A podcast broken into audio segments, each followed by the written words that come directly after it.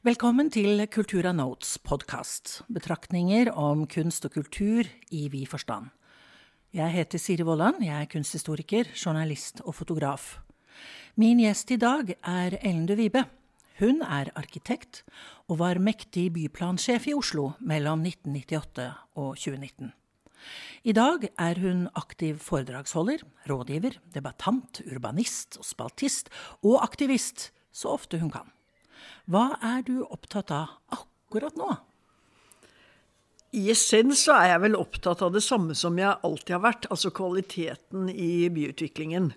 Ehm, men du kan si at de siste eh, årene, og særlig de siste månedene, så har jo forholdet til FNs bærekraftsmål kommet mye sterkere frem på dagsordenen.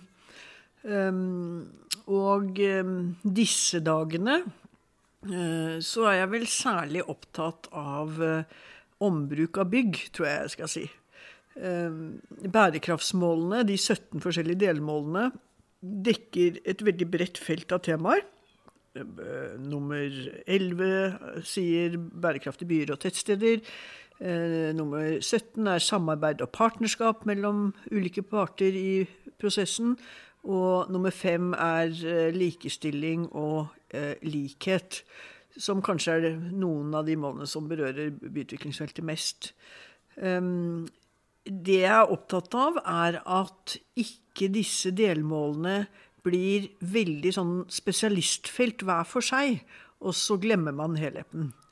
Uh, og jeg tenker at um, Kate Roweth, um, den engelske økonomen som utfordrer dagens økonomiske modeller, hun har jo lansert begrepet smultringøkonomi. Hvor den ytre delen av smultringen eh, dreier seg om økologiske og fysiske forhold, og den indre delen av smultringen dreier seg om, sosial, dreier seg om sosiale forhold. Og hvis man ikke håndterer begge disse settene med hensyn, eh, så vil det ikke gå oss vel, sier hun.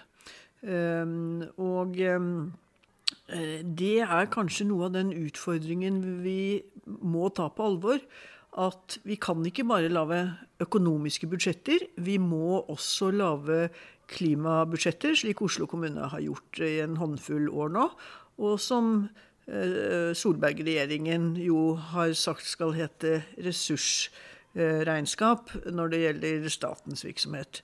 Um, og det å gjøre klimahensynet like viktig som um, de økonomiske hensynene, tenker jeg er avgjørende. Både for å gjøre ting regningssvarende, men også for at menneskeheten skal ha det bra fremover. Denne sirkulærøkonomien, som også er et begrep, hvordan passer den inn? Altså Sirkulærøkonomien dreier seg jo mye om selve byggeaktiviteten. Altså hvordan du kan um, bruke Du kan både tegne hus, og de kan tas fra hverandre og altså demonteres og puttes sammen på nytt. Og det dreier seg om uh, gjenbruk av bygningskomponenter i bygg som er der allerede. Og nå har jo akkurat uh, staten sagt at uh, de skal revidere kravet til sertifisering av eksisterende bygningsmaterialer, så det blir lettere å bruke dem på nytt. Sånn at det dreier seg jo om å enten altså resirkulere opp eller ned. Altså enten bruke f.eks. å bruke deler av Y-blokka til grus på en motorvei er jo en nedsirkulering. Mens det å um, kanskje bruke noen heller fra en takterrasse til fasademateriale er en oppsirkulering. Um, og uh, det er jo et utrolig spennende felt, fordi da må uh, byggenæringen tenke helt annerledes.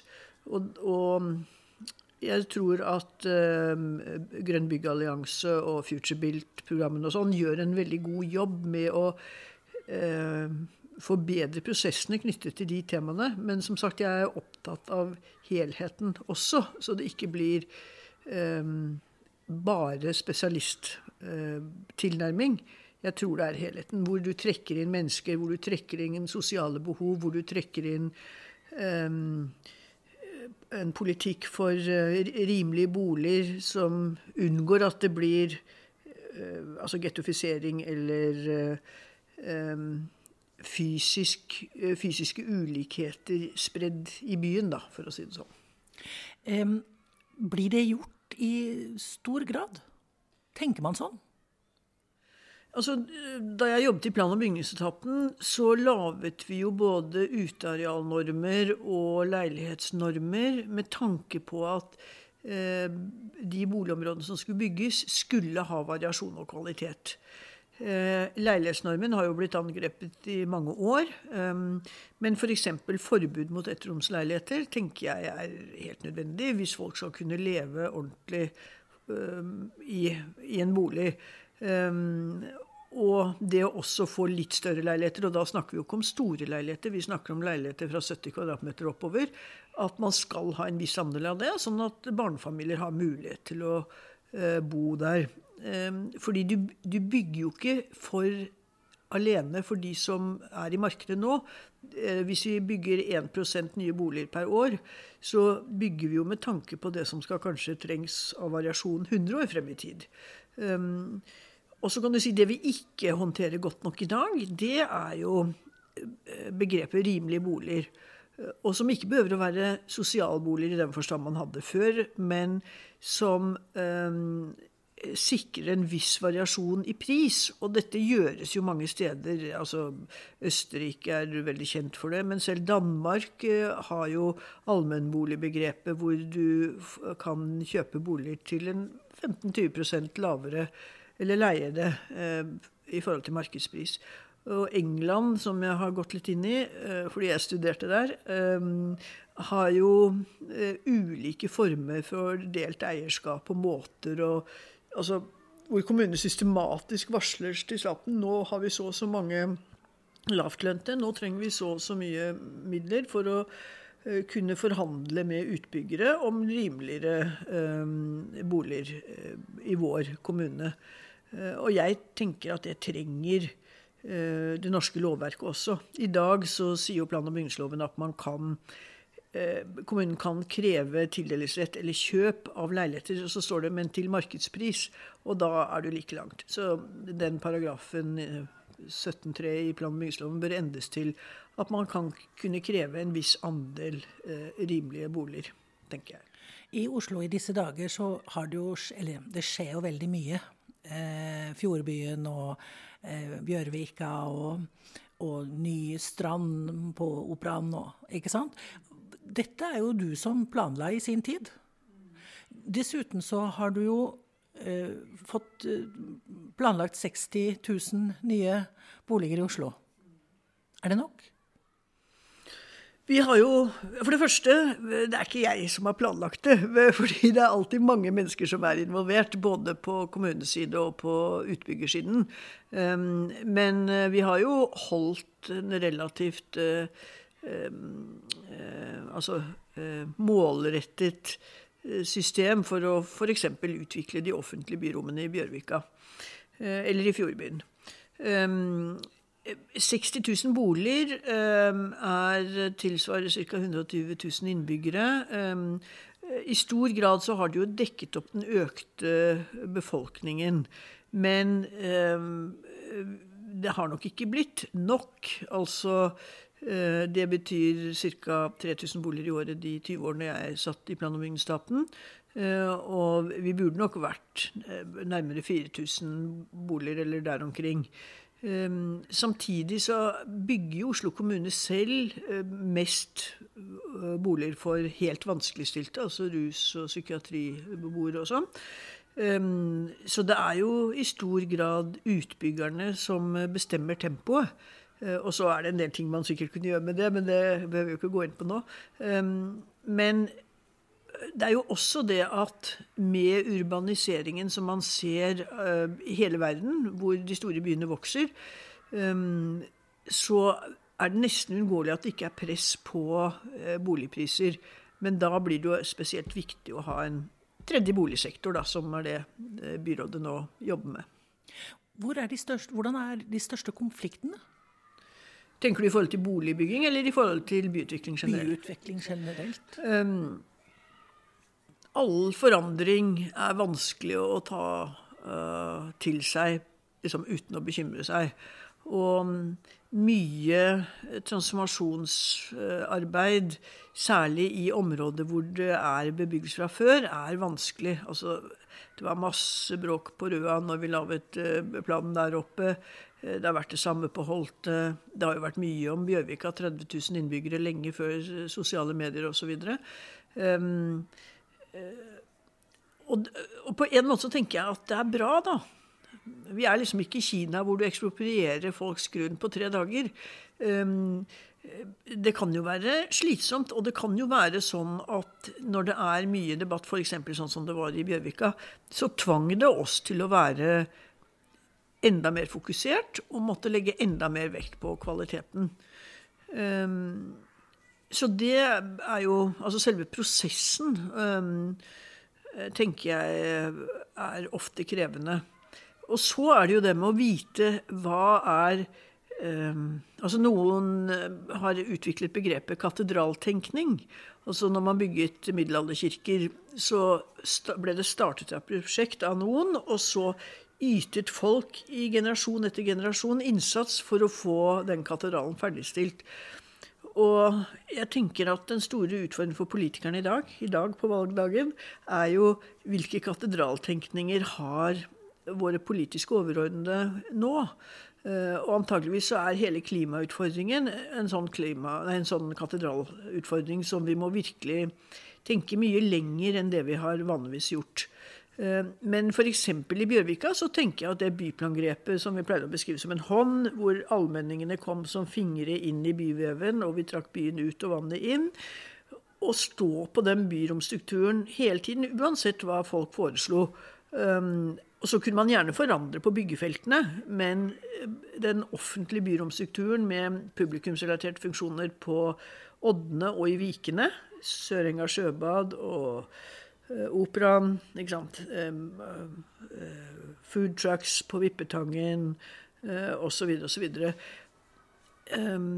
Det, det er det som kanskje er eh, vanskeligst å holde på, men som jeg tenker et, en god plan- og bygningsetapp bør være seg bevisst å holde på.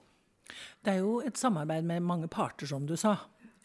hvor mange parter er det, vil du si? Det er utbyggere og Altså for det første, Etaten har jo ca. 500 ansatte, sånn at det er jo mange som jobber med mange ting. Alt fra eh, tomtedeling, som kan få eh, veldig stor betydning for hva som skjer arkitektonisk senere, f.eks., til eh, de som drev med regional planlegging for hele Oslofjord- og Oslo Akershus-området. da, Um, og til um, innsendte reguleringsplaner og byggesaksbehandlere. De må jo forholde seg til alt fra rørleggere til eh, veiingeniører til konsulenter som lager planer for private utbyggere. Men stort sett så snakker vi om eh, utbyggerne, det sivile samfunn, politikerne og administrasjonen. Altså de fire aktørene er liksom hovedgruppene, da. Mm. Jeg skjønner. Eh, vi snakket litt eh, kjeft og ros. Eh, jeg skal sitere. Ellen de Vibes periode. I Ellens de Vibes periode er Oslo blitt tryggere, renere, hyggeligere, rikere og bedre enn noensinne. Det var Erling Dockholm som sa. Det var ros. Men du har fått litt kjeft? ja, jeg har fått uh, mye kjeft i årenes løp. Um, det er ikke mange dagene siden en uh, kulturpersonlighet i Oslo skrev at byutviklingen i Bjørvika var, eller generelt i Oslo, var preget av jåleri og mindreverdighetskompleks osv. Um, og jeg tenker jo at du må tåle en del skrøft når du sitter i en sånn posisjon som vi har hatt. Men det som har drevet meg fremover alltid, er jo for det første å gjøre jobben skikkelig. Og vite hva den katedraltankningen din er, sånn at du holder på dem. Og så må du noen ganger uh, se at OK, det fikk vi ikke til akkurat på den måten, men da gjør vi det på den måten. Uh, og det kan komme prosjekter, f.eks. Um, Munch Brygge, som jo har fått Oslo bys arkitekturpris. Uh, kom og ville ha en gatestrekk som vi hadde tegnet vinkelrett, diagonalt. Og, og, hvis det opprettholder hovedintensjonen om å få havnepromenaden lett gjennom bebyggelsen, så kan det godt hende at det er gode addisjoner da, eller forbedringer av en plan. Um, men um, ja, En gang så har vel noen blitt anmeldt for altså, trakassering av meg på privattid og sånn. Men, men, altså at det ble en rettssak. Men eh, stort sett så jeg vet jo ikke hva folk, eller byggebransjen f.eks. har sagt på kammerset, men stort sett så syns jeg egentlig folk har vært ganske skikkelig i kommunikasjonen. Og jeg har heller aldri opplevd noen form for eh, altså korrupsjonstilnærming. Uh, folk har sikkert vært litt blidere mot meg enn de ellers ville ha vært, nå når jeg er pensjonist, men, men uh, jeg har aldri opplevd noen utilbørlig atferd, egentlig det som, det som, er morsomt med byutvikling, det er jo at det engasjerer så mange, og så mange forskjellige folk. Og, eh, og, og da blir det jo mange meninger. Så hvis man kommer til torgs med masse meninger og får gode tilsvar, så er, fungerer jo demokratiet. Det er jo når ting blir holdt unna og skjult, man begynner å bli mistenksom og syns at eh, noe er litt vanskelig. Og, og, vanskelig å forstå, kanskje. Eh, når det gjelder, Vi må jo innom Y-blokka. Eh, og eh, jeg jobbet hos Riksantikvaren i mange år, og det var jo sånn vi ble kjent med hverandre. Eh, og det er jo mange meninger om det og, og, og, og sånn, men det, det, må jo skape en slags forståelse når man skal gjøre et sånt stort grep som å rive. Så må man jo i hvert fall eh, forstå det. Og det var vel litt uklart, for du faktisk lenket deg fast, du. Ja, eh, for det første vil jeg si at um, jeg tror jo på det representative demokratiet. Det er liksom det jeg har jobbet under hele tiden, og tenker at det norske systemet er egentlig ganske godt. Men så er det noen ganger at det kanskje feiler. Og um, da har en engelsk Guardian-journalist sagt at vi trenger å utvikle mer deltakende demokrati. Um, og refererer til Extinction Rebellion som uh, vår tids suffragettes, uh, f.eks. Og Um, nå er jeg veldig sånn på at plan- og bygningsetaten mente det vi mente, og det var ikke bare meg, for å si det sånn, uh, om Y-blokka helt fra starten. Sånn at det var helt konsistent holdning til at Y-blokka burde bevares. Det var ikke som om jeg plutselig begynte å mene det etter at jeg sluttet i jobben. Men det er klart jeg kunne ikke ha lenket meg fast som byplansjef. Men det var jo fem av oss som gjorde det. Eh, Pga. koronaen så kunne det ikke bli mer enn fem. Eh, som gjorde det da. Og eh, det angrer jeg ikke på, fordi jeg mener at det bygget var et uttrykk for det norske Kall det gjerne sosialdemokratiet eller velferdssamfunnets oppbygging i Norge. Eh, og jeg mener også at byplangrepet Jeg vet at det er flere som mener noe annet, men jeg mener at byplangrepet faktisk eh, laget en fin sekvens av byrom. Og at uh, Nesjar og Pablo Picassos kunstverk var helt uerstattelig. og ikke egnet til å bli flyttet på. I tillegg så var jo det bygget laget altså eh, materialmessig og statisk sett, slik at det fikk bare større og større statisk eh, styrke, også 50 år frem i tid. Sånn at det kunne i et klimaperspektiv eh, Og det var jo det vi prøvde sammen med Riksantikvaren. Å få Statsbygg til å ta inn over seg. Men det ble jo ikke gjort. Det, jeg skal ikke sammenligne helt Alta-aksjonen, men det er klart etter Alta-aksjonen så ble hele Konsekvensutredningsinstituttet etablert. Og nå ser jeg jo at uh, staten, Nikolai Astrup, uh, Direktoratet for byggkvalitet, har fremmet forslag til å gjøre klimaregnskap obligatoriske i uh, byggesaker, altså i teknisk forskrift. Og um, det er riktignok noen svakheter med det, fordi de sier at det bare skal gjelde større yrkesbygg og boligbygg, og ikke små hus. Og de sier at det skal gjelde nybygg, selv om de sier at det også gjelder hovedombygginger. Men jeg mener at det må ta inn over seg balansen mellom skal vi rive, altså gjenbruke, ombruke, eller bygge nytt. Det, men jeg vet at dette er bare et tidsspørsmål. Eh, F.eks. så har Svein Bjørberg, som er professor eh, på NTNU, eh, ledet en gruppe som jobber i EU-sammenheng med kriterier for klimavurderinger av eksisterende bygg. Uh, og da er man ikke uh, Altså, eksisterende bygg vil alltid kunne ha en identitetsskapende rolle, men jeg tror for å få tatt dette med ombruk på alvor, så må man egentlig litt bort fra bevaringskriteriene, og så må man se på klimakriteriene. Og Svein Bjørbergs gruppe foreslår teknisk tilstand, brukbarhet, altså for nye funksjoner, tilpasningsdyktighet, innemiljø, altså helsebiten, eh, økonomi, eh, motstand mot klimaendringer, som egentlig dreier seg om styrtregn og råteangrep, og iboende CO2-lagring i det som er. Um, og jeg tenker at det er bare et tidsspørsmål før dette slår inn på en helt annen måte. Det siste som staten ikke har gjort i sin, sitt forslag til forskrift, er um, at de regner bare på transport på tomta og ikke til tomta.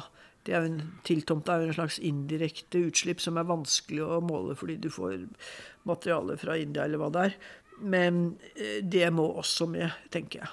Så jeg bare registrerer at staten har begynt på å formalisere et behov som vi mente det var viktig å vurdere eh, da Y-blokka-slaget sto. Mm. Og jeg tenker også det at eh, Man må utfordre arkitektene, da. Og jeg tror at arkitekter kan gjøre alt, det. Fordi at da må de jo kunne utvikle det nye på det eksisterende. Og det samme, Vi hadde jo en problemstilling eh, hos Riksantikvaren hvor man ville ha solcellepanel på gamle hus. Man skjønner jo at det ikke er bra, men da får man utfordre leverandøren til å lage bedre solcellepanel som ikke ødelegger gamle bygg. Og det skjer jo. Det samme med gjenvinning eller gjenbruk av plast eller hva slags materiale man snakker om. Da må man sette ingeniørene i gang, eller oppfinnerne, da, hvis det var sånn å gjøre. Ja, og jeg tror det er store muligheter. Altså, Oslo har jo hatt noen veldig spennende prosjekter de siste årene. F.eks. Eh, Telegrafen. F.eks. Pressens hus i Skippergata 26. F.eks. Eh, tollbodene, som er sammenbygd på en veldig fin måte. Eh, men også helt tilbake til siloene på Grünerløkka, som ble studentboliger. Eh, og Vulkan-prosjektet.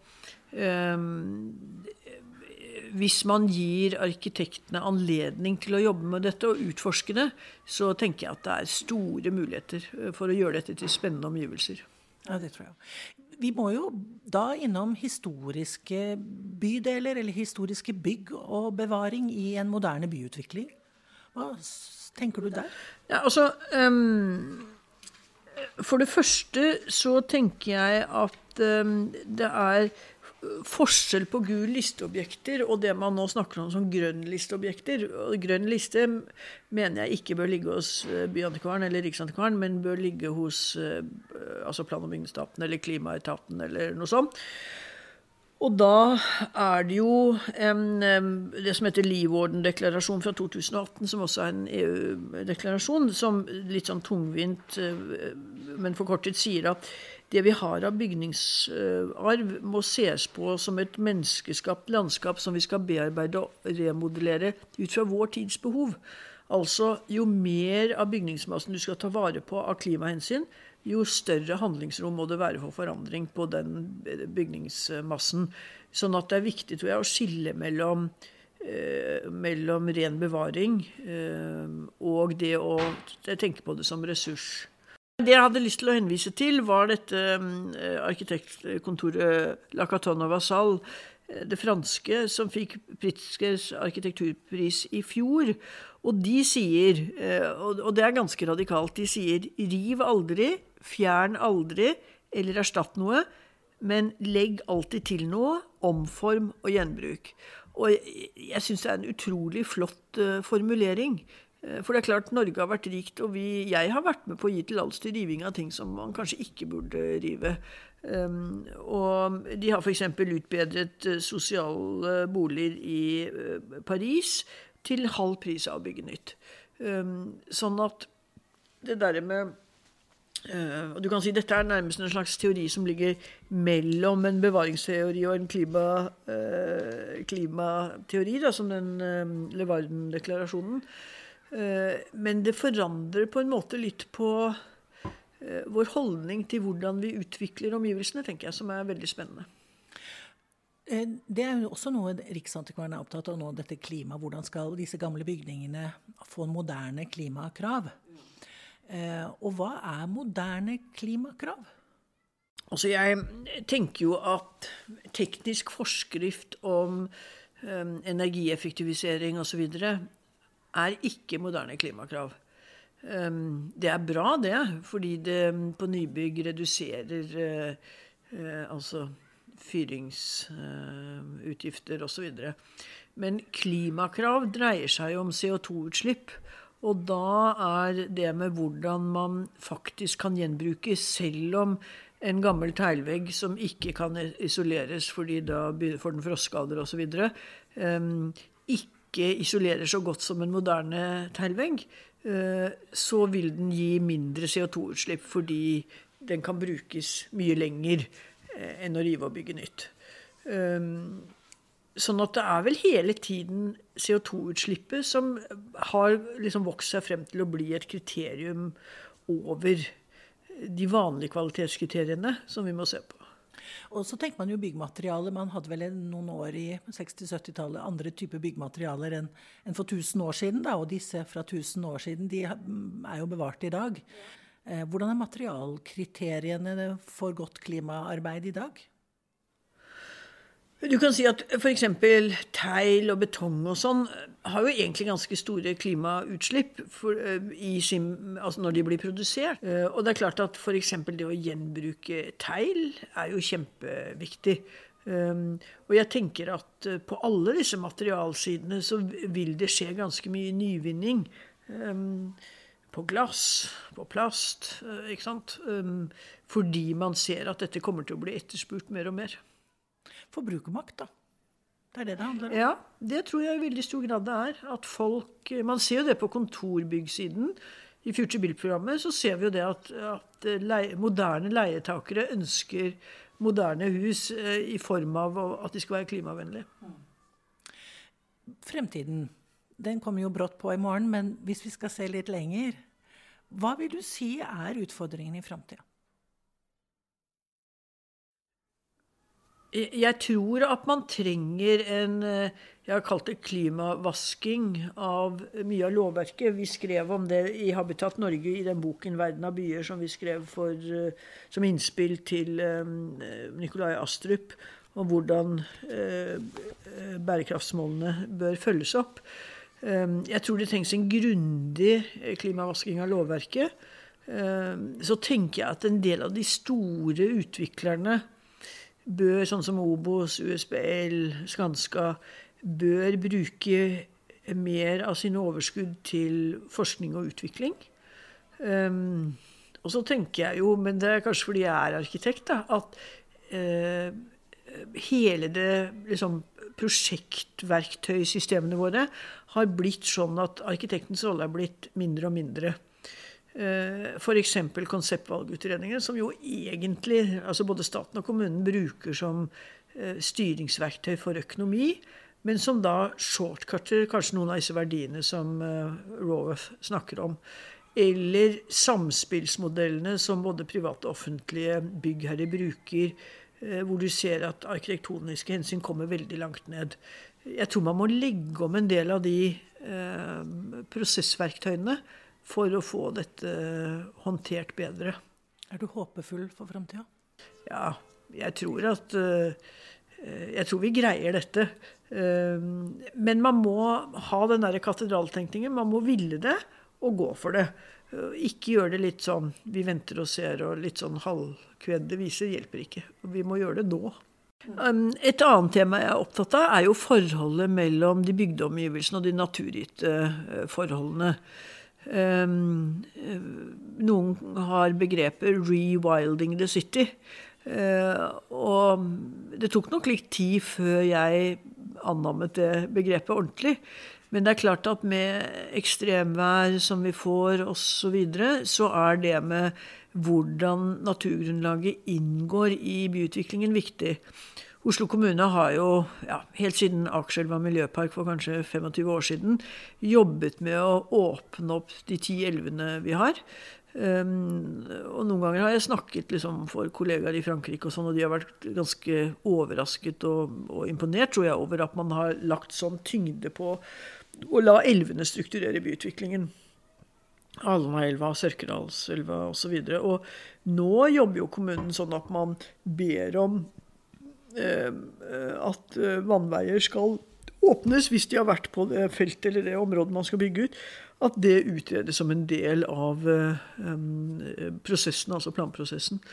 Og det er klart det der med å kunne bruke de naturlige vannveiene, og da blir det også flomveier, til både å altså fordrøye og forsinke og så håndtere vannet til slutt, mest mulig utenom ledningsnett, tror jeg er helt avgjørende. Og jeg tror forsikringsselskapsverden ser at det må gjøres mye bedre. Eh, København hadde jo en sånn enorm styrtregn en gang, og etterpå Jeg vet ikke hvor mange milliarder kroner som måtte repareres for etterpå, men eh, de har laget en strategi. Og det eh, er viktig for en by som Oslo òg. Vi har jo laget flomveikart osv. Og, og det å bruke det ordentlig, det betyr f.eks. å la overflater på bygulvet være perforable, altså la regnet renne gjennom osv., er viktig. Og så er det jo sånn at den grønne strukturen er jo også viktig eh, som eh, altså korridorer for eh, flora og, og, og, fauna og dyreliv og fugleliv og det hele. Eh, nå er jo Oslo en veldig grønn by allerede. Vi har jo en lav utnyttelsesgrad i forhold til mange andre, både København og Paris osv. En fjerdedel av København og en tiendedel av Paris. Ehm, men det å faktisk få inn eh, vegetasjon Jeg husker jo godt når vi holdt på med Bjørvika, så var det jo din tidligere sjef Jørn Holme var veldig skeptisk til å sette trær i allmenningene, fordi da kunne man ikke se fjorden rett ut. Jeg syns jo det var misforstått, fordi du ser jo ikke rådhuset fra alle steder når du beveger deg eh, opp Karl Johan heller, men du går gjennom disse byrommene og vet at det ligger der likevel. Men vi måtte ta bort en god del trær. Men likevel så blir det jo plantet 600 trær eh, i langs dronning Eufemias gate. Og jeg tenker det å faktisk si at det er like viktig som Eller viktigere enn parkeringsplasser, f.eks., eh, tror jeg er eh, avgjørende. Oslo kommune har jo nå eh, det de kaller Oslo-trær, som er en kampanje for å plante veldig mange trær i byen. Ehm, det kan stoppe Altså det fanger opp svevestøv, og det kan stoppe kalde eh, kald vinder osv. om, om vinteren. Ehm, så hele det feltet med hvordan naturgrunnlaget brukes aktivt, ikke bare som noe pynt på slutten, det tror jeg er viktig. Oslo by eh lider jo av parkeringsmangel i sentrum. Og det er jo en villet politikk. Eh, vil det, påvirker det byutviklingen? Bort med bilene? Altså, jeg ledet jo noen år Bilfritt byliv-programmet. Eh, og jeg mener at sentrum ikke lider av manglende parkeringsplasser. Det er faktisk sånn at belegget på de parkeringshusene som er, egentlig i mange år var liksom ja, mellom 40 og 60 um, Det som vel har vært litt utfordringen med Bilfritt byliv, er jo tilgangen for altså, handikapplasser og håndverkere. Og det har man jo måttet justere en del gjennom Bilfritt byliv-programmet. Um, men jeg tenker jo at når selv handelsstanden nå sier at program for bilfritt byliv har vært bra, altså at det faktisk har økt attraktiviteten i sentrum, Eh, så tenker jeg at da er ikke bilavstillingsplassene biloppstillingsplassene eh, det viktigste. Jeg tror Det er liksom blitt et slags demokratiprosjekt, det der med at unge folk krever at gater og byrom skal være noe annet enn de har vært. At man skal kunne ha lekebyttedag på kirkeristen og skal kunne gjøre sånn og sånn. Og derfor så tenker jeg at festivaler i Dronningens gate eller Dronningens gate utvidet, altså fortauene eh, fordoblet i bredde osv. Ehm, det å restrukturere Vi fremte jo en, en områderegulering rett før jeg sluttet. Og det å restrukturere den gategrunnen sånn at halvparten brukes til vegetasjon eller byliv eller gange, ehm, er en, også en slags ehm, paradigmeskifte på et vis, da. Som Det er jo en Neruda fra Barcelona, en biolog egentlig, som har utviklet begrepet om superblocks.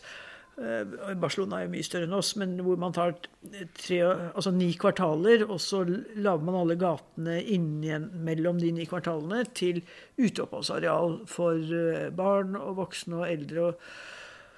Um, og det er på en måte litt av det vi bør gjøre mer av i Oslo, som vi har mulighet til å gjøre fordi vi har fått disse senketunnelene osv. under byen. Mm. Det er jo veldig interessant. Det handelsstanden også har vært bekymret for i sentrum, det har jo vært at handelen skal flyttes til kjøpesentre utenfor byen.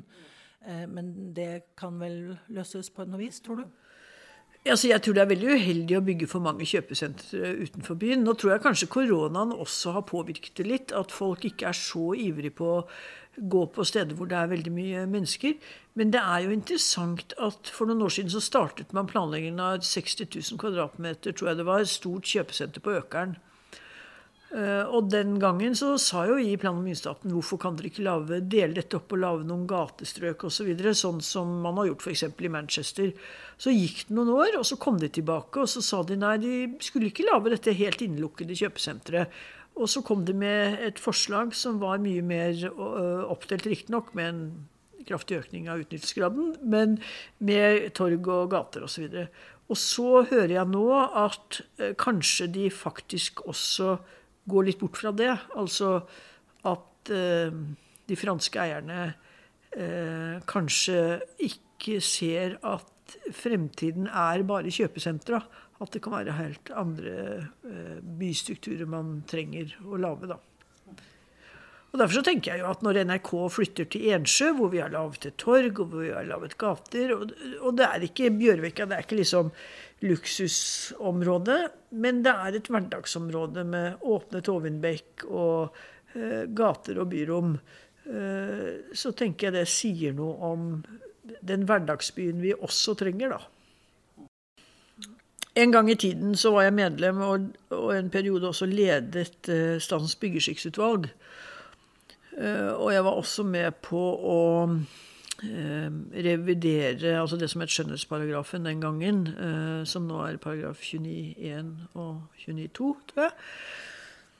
Um, og da ble det jo mye snakk om hvordan skal hus se ut. Og noen sier at det er bare de store liksom, offentlige byggene som har arkitektur, og så alt andre byggeskikk. Jeg er jo ikke enig i det. Jeg mener at, at um, alt byggeri kan være arkitektur, i den forstand at det skal ha høy uh, funksjonell, økonomisk, teknisk og estetisk uh, kvalitet. Nå har vi jo fått uh, arkitekturopprøret. og jeg tror det var på begynnelsen av 80-tallet, så inviterte Henriette Salvesen i Diva Arkitekter og undertegnede grunnleggerne av New Urbanism, um, uh, Duani and Plater, Plater Sørbøk, het de vel, um, til Norge. Og de snakket jo veldig bra om det der med å bygge byvev, altså ramme inn byrom, Eh, strukturer mellom det offentlige, halvoffentlige og det private, altså forhager osv. Og, eh, og om eh, på en måte den amerikanske drømmens død, da, med liksom kuldesaker og bare monofunksjonelle boligområder. Men etter hvert som New Urbanism kom til Europa, både med prins Charles og senere Byens fornyelse i Oslo eller Norge, Eh, så ble jeg nok mer og mer skeptisk. Og det er jeg nok også overfor arkitekturopprøret i dag. Ehm, det er mange som syns det er fint at dette diskuteres. fordi det er ikke så lett å alltid få arkitektur på debatten eh, i det offentlige rom. Ehm, men jeg tenker denne enorme vektleggingen av ehm, eh, på en måte klassisk 1900-talls Eh, eller 20. århundres arkitektur, murgårdsbebyggelsen osv., tenker jeg er feilslått. Jeg tenker enhver periode har sin verdi. Og så kan man ha forskjellig grad av Jeg bruker ikke engang ordet tilpasning, fordi jeg mener at det lett fører til en debatt som går på kopiering. Men man kan ha mange måter å hensynta den eksisterende bebyggelsen på. og å føye ting sammen. Um, men det går mer på skala, på byromstrukturen osv. F.eks. sånn som på Vulkan. Um, og jeg tenker vel at gitt også det vi snakket om tidligere om klimautfordringene, så er um, det å se byggeriet som mer enn bare en rent visuell, uh, et visuelt produkt viktig. Um, og det håper jeg jo at uh, at eh, arkitekturopprøret også ser. Og til en viss grad så gjør de vel det, men eh, det er kanskje ikke det de lettest vil vedkjenne seg, tror jeg. Så det ble jo laget en tredje arkitekturpolitikken for Oslo før jeg sluttet. og det byrådet har lagt vekt på, er jo veldig mye det med vinklingen mot klima, det mot fellesskapets interesser, det med hverdagsomgivelsene osv. Men også utforskende og nytenkende arkitektur. Og det tror jeg det er. Man bør ha mulighet til det. Altså, F.eks. når du tenker på stasjonsanvendingen i Bjørvika, som er ganske smal oppe, og som bredder seg ut før neste tverrgate, og så før neste tverrgate igjen, er jo en inspirasjon jeg hadde fra Nevskij prospekt i, i St. Petersburg. Um, det som, det som kanskje er eh, risikoen ved å Man må være helt bevisst virkemidlene, men det som kan være risikoen, er jo at man gjør det eh, litt for automatisk. F.eks. så ligger jo operaen nå i aksen av Rådhusgaten. Men det er ikke en symmetrisk klassisk bygning. Det er deler av taket som stikker ut, så du ser dette interessante hvite flaten som stiger opp ved enden, altså når du står oppe ved Kristiania uh, torg og ser ned. Um, så det å være bevisst hva skjer ved enden av gaten, um, tenker jeg er kjempeviktig. Men det er forskjell på det å si at her skal det være en, um, en fondbygning som er helt symmetrisk og med et liksom, uh, sentralmotiv i et inngangsparti osv. Um, og det med hvordan man bruker gategulvet, da. Um, i veldig bevaringsverdige områder så er det jo fint å liksom skille mellom her er fortau og her er kjørebanen osv. Men det kan godt hende også at i vår moderne tid så skal du egentlig ha et sammenhengende eh, bygulv i plan, sånn at du kan både plassere lekeapparater, og du kan sykle rundt plantekar osv. Um, så det er kanskje enda viktigere å tenke liksom, hva er det dette gaterommet trenger ut ifra funksjonene rundt. Eh, og så tegner man det ut ifra det, da. Tusen takk, Ellen.